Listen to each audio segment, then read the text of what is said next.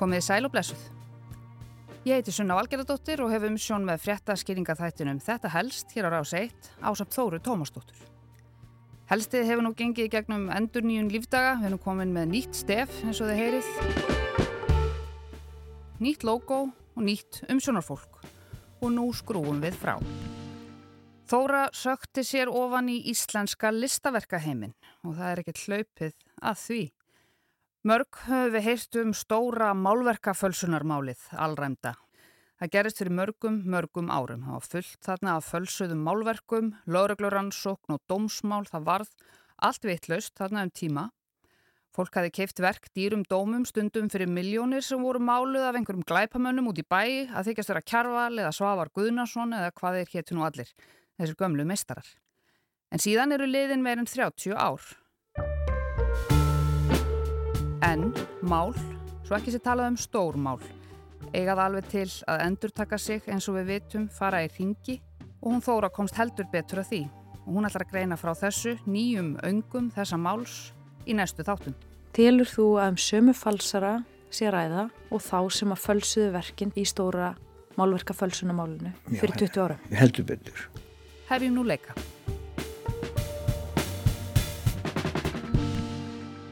Listaverk sem talin eru fölsuð og eignuð merkustu listamönnum þjóðarinnar ganga kaupum og sölum hér á landi. Verk sem sögð eru nýr ángi af hennu svo kallaða stóra málverkafölsunamáli hafa nú komið fram í dagsljósið. Þau hafa meira að segja komist alla leið upp á veggi Listasaps Íslands, þar sem eitt þeirra hangir í dag. Fölsu verk eru út um allt. Þetta eru það mörg verk, hvert og eitt selt fyrir hundruð þúsunda að þetta hleypur á tögum ef ekki hundruð miljónum sem hafa verið sviknar af fólki. Nokkur þessara verka hafa nýlega ratað inn í uppbóðshús en önnur hafa verið búin til sölu á samfélagsmiðlum. Verkin sem umræðir hafa ekki verið rannsökuð af lögreglu. Viðmælendur okkar telja sér þekkja handbrað falsarana. Þeir vilja að kastljósinu verði aftur beint af viðskiptum sem tengdust hennu umdelda Galleri Borg. Starfsemi gallerísins var eitt floknasta viðfangsefni lauruglunar í Reykjavík fyrir um 20 árum síðan. Og þetta saði löggan þá. Á Íslandi er þetta öruglega stærsta rannsók sem hafði fram hefur farið. Og ég veit ekki betur en að þetta sé stærsta málverka fölsunar mál á Norðurlandunum og líklega Evrópu. En hvernig blasir það við þér að þetta stóra málverka fölsunar mál sé enn einhvern veginn að skjóta upp kollinum og við séum bara ennþá að ræða? mér finnst það bara alveg hrigalegt eftir 50 ár þegar, eða 100 ár þegar við erum öll farin hver veit þá hvað Þetta var Yngibjörg Jóhannsdóttir sapnstjóri Listasaps Íslands En þar á bæ hefur mikil vinna farið fram eftir að engasapn Þorvaldar Guðmundssonar sem kentur var við sild og fisk var fært sapninu að gjöf í fyrra. Þorvaldur var ástriðufullur listaverkasapnari og eitt sá stórtækasti í landinu. Hann lést fyrir um 25 árum og skildi eftir sér sapn sem inniheldur 1400 verk eftir dáðustu listamenn landsins. Meðal annars voru þar um 400 verk eftir kjærval, en hann var góður vinnur þeirra hjóna, Þorvaldar og Ingibergar Guðmundsdóttur. Engasapninu hefur verið líst sem einni rausnarlegustu listaverkagjöf sem að listasapni Íslands og þar með íslensku þjóðinni hefur borist. Það voru listaverk í eigu Þorvaldar Guðmundssonar sem mörguðu upphaf stóra fölsunamálsins. En það eru önnur verk í eigu Þorvaldar sem nýlega voru tekin upp úr kössum í listasafni Íslands sem eru kveikjana þessari umfjöllun. Því inn á milli gerðsimanna í safni hans leindust á annan tugverka sem talin eru fölsuð. Og það er nefnilega margt sem verist farið hringi í þessari skrítnu sögu. Þetta er fyrst eigna kjarval tölvert og þetta er eignað Áskumbi Jónssoni þetta er eignað Nínu Tryggvardóttur Snára Arbjarnar þetta var þess listamenni sem hann held mikið upp á Og þetta er hann Ólafur Ingi Jónsson sem hefur starfað hjá listasafni Íslands í 17 ár Ólafur er einn upphafsmanna stóra fölsunamálsins Hann er sá sem kærði fyrstu falsverkin til öðruglu ef við komum betur á því síðar Ég er svo kallar forverður forverður á málverkum, Emi Sérgren Forverðir eru sérfræðingar í varveislu listmuna og í að sportna við hnignunni þeirra. Sumir forverðir gera við verk en Ólafur Ingi hefur líka sögt sér í að skoða falsanir. Hann á baki langan feril í geiranum og er óhætt að segja hann hafi séð eitt og annað í þessum efnum. Þessa dagana liggur hann yfir verkum sem hann telur grunnsamleg úr sapni Þorvaldar. Þessi verk verða örgulega bara skráð sem fölsu verk og fá einhvers konar númer mm. þegar það hefur verið staðfest. Og þetta er bara ágættist þörskulur af, af gerð þessa falsana. Þetta eru bæði pappisverk og oljumálverk og, og eru verk sem eru máli frá grunni eða, eða verkum eh, annar listamanna breytt. Þá með einföldum hætti mm. eða yfirmáluð. Það sem hefur verið að notast við undirlægið sem er þá gammalt stríi og blindrami. Þegar að listasafnu berast svona falsanir, er það átt sambandi við lauruglu eða hvað er gert? Nei, ekki, ekki, ekki, ekki þessi tilfell, einfallega vegna þess að málið er fint, samkvæmt lögum. Í þessu málið þarf að segja verkum Þróli Guðmurssonar. Er það vegna þess að þau voru keift fyrir svo mörgum árum að Já, þetta getur ekki verið uh, sakamál? Nei, það er aldrei sakamál. Mm. Og þetta er raunveruleg ekki nema bara smábrót af þeim verkum sem að ég hef talið fölsuð. Og ég sagði á sínu tíma að þau væri 900 og þá með verk sem bæði voru selgt hér á Íslandi og í Danmarku og ég stend ennþá þetta tölu. Mm. Þarna er Ólafur Ingi að vísa í stóra fölsunamálið sem hann hefur ítrekka bent á að sé mun umfangsmeira en rannsakað var á sínum tíma. Honum er tíðrætt um það þegar hann er spurður út í myndirnar sem að lendust inn á milli stórverka í engasafni Þorvaldar. Eins og áður segir þá var Þorvaldur einn umsvifamesti listaverkasafnar í landsins. Sigrún Stefansdóttir tók hann tali í viðtalstættinum Fólkið í landinu sömarið 1990. Stór hluti þáttarins er tekin upp í verksmiðunni hans, matvælaframleyslunni Síld og Fisk í Hafnafyrði. Því á efri hæð húsins var hann nefnilega með listaverkasafni sitt. Þarna eru listaverka ímsum toga, máluverk, skúltúrar, postulistittur og vegteppi að óglendri vinnustofu Kjarvals sem Þorvaldur keipti til þess að hún lendtekki til Danmerkur. Vinnustofa Kjarvals var sum séð þarna á efri hæð verksmiði Þorvaldar og þannig kynntust þeir. Það kom fyrir að hann bað mjög um að aðstofa sig með að sjóða fyrir sér sviðakjami eða hamtjúslæði eða eitthvað slíkt. Og uh, skrappi þá með þetta oft eftir, eftir lókun til hans upp á Herbyggi sem við setjum nú hérna í. Og svo var, fórum við að rappa saman, það var afskaplega fróðlegs fús til þess að segja manni ímsa hluti svona og sérstaklega þegar hann vissið að móðu mín var ættu úr meðalandinu og næsta bæju við hans fæðingarstað að þá tengdu svona mínáttuböndi meira heldur en ella Ég fekk áhuga hans list og hann fekk áhuga minni matalist. Til dæmis þegar hann fekk sér skýr, þá fekk hann sér svona ís úti og blandaði saman. Og þegar maður saði við hann, þetta fennum ekki, þetta er ekki alveg rétti borsiðir. Borsiðir, þetta er allt nákvæmlega sér í maganu komið. Nú hefur hér æfintýralega sapn Þorvaldar, þrungið sögu og tilfinningum, ratað til listasaps Íslands og skömmu eftir að gjöfun var aðfendt tók Yngibjörg Jóhannsdóttir við starfi samstjóra. Það höfðu nú verið svo litið læti í kringum það allt saman. Forveri Yngibjörgar í starfi, gamli sapstjórin, var færður til þjóðminnisapsins án auglýsingar og ráþeran var harlega gagreindur fyrir frjálsleg vinnubröð. Sapstjórastarf listasapsins var svo auglýst mjög sómasamlega og Yngibjörg varð fyrir valinu. En hún hafði sérstætt verið í nýju vinnunni í viku þegar listasafnið opnaði síningu á hlutaverkana sem Þorvaldur hafði safnað. Og með nýja starfinu fylgdi ekki beinlinis leiðbenningabæklingur um hvað gera eigi við mögulega fölsuð verk. Nei, ég er ekki með svo leiðis í handraðanum en það er náttúrulega mikið á góðu fólki sem er hérna á safninu mm. sem ma maður leitar ráða hjá.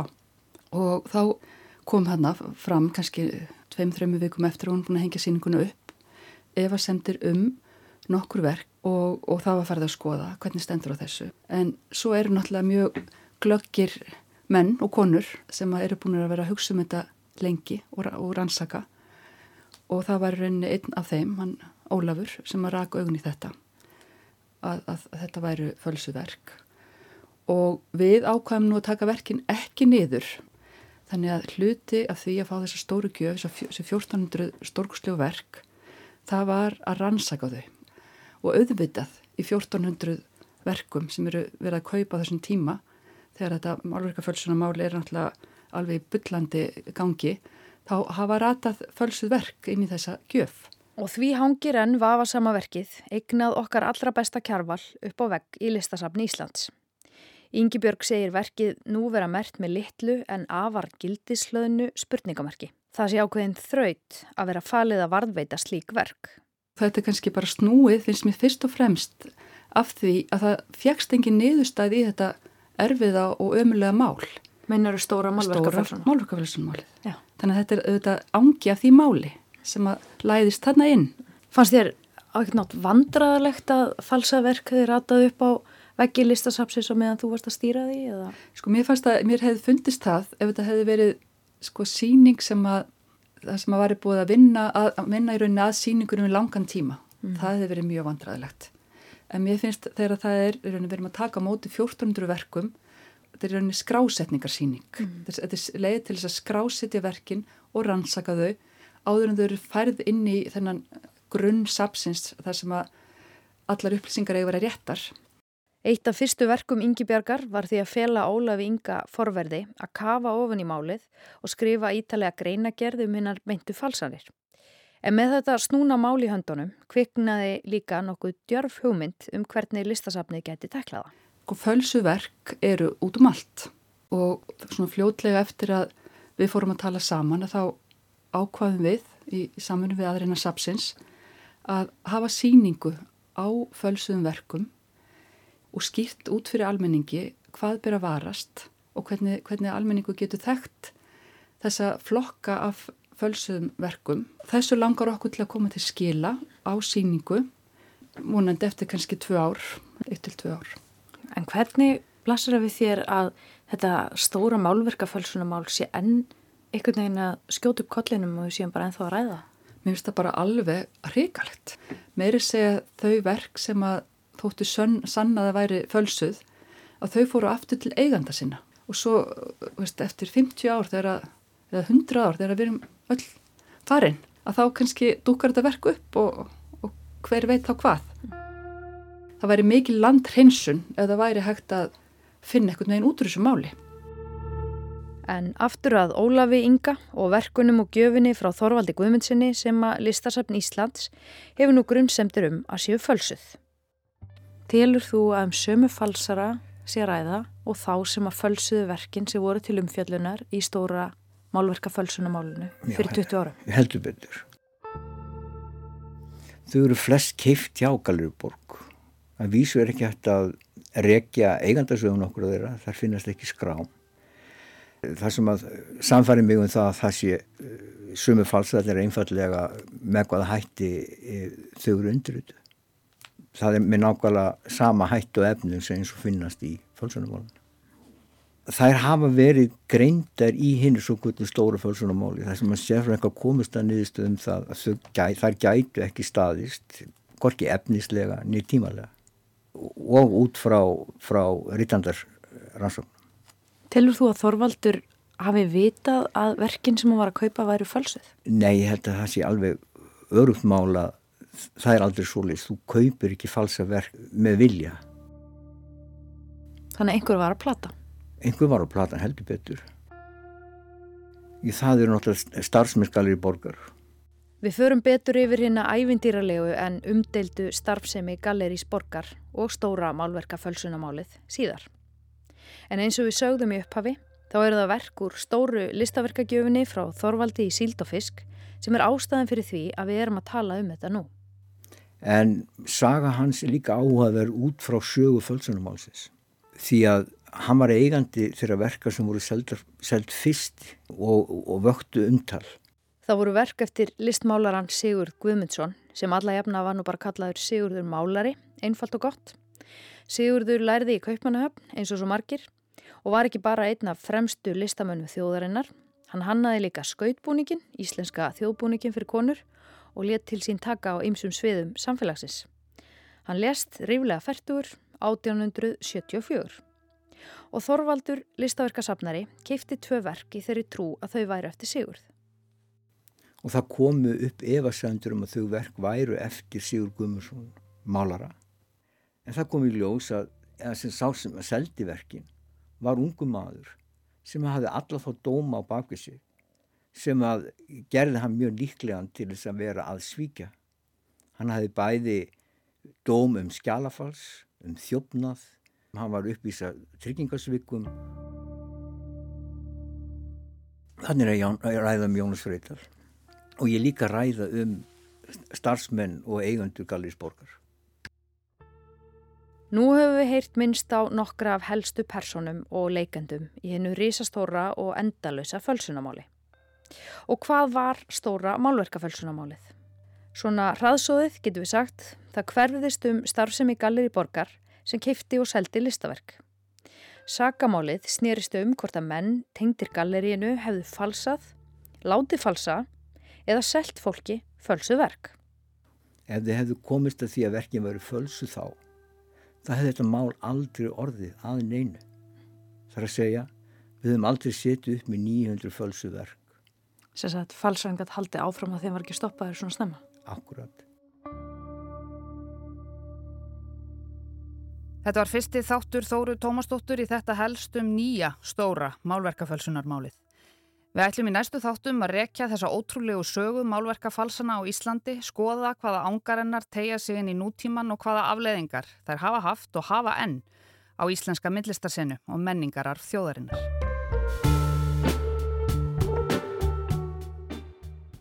Ættingjar fara að taka til í geimslunum, finna hérna verk eftir hinn og þessa og koma með þau í sölu aftur. Þannig að svona faraðu þau í ring vegna þess að það hefur aldrei verið og ekki komið snein samstaða um aðgerðir gegn þessu. Þarna heyrðu stutt brot úr þætti morgundagsins, ekki missa á honum. En ég heiti Sunna Valgerðardóttir og þetta var fyrsti helst þáttur Þóru Tómasdóttur um fölsuð málverk sem hún heldur áfram með næstu daga. Og undir heyrum við nýtt stef, samið af Davíð Bentsen, þetta er ekki falsað eða stólið stef. En takk fyrir að leggja við hlustir í dag og við heyrumst aftur á morgun.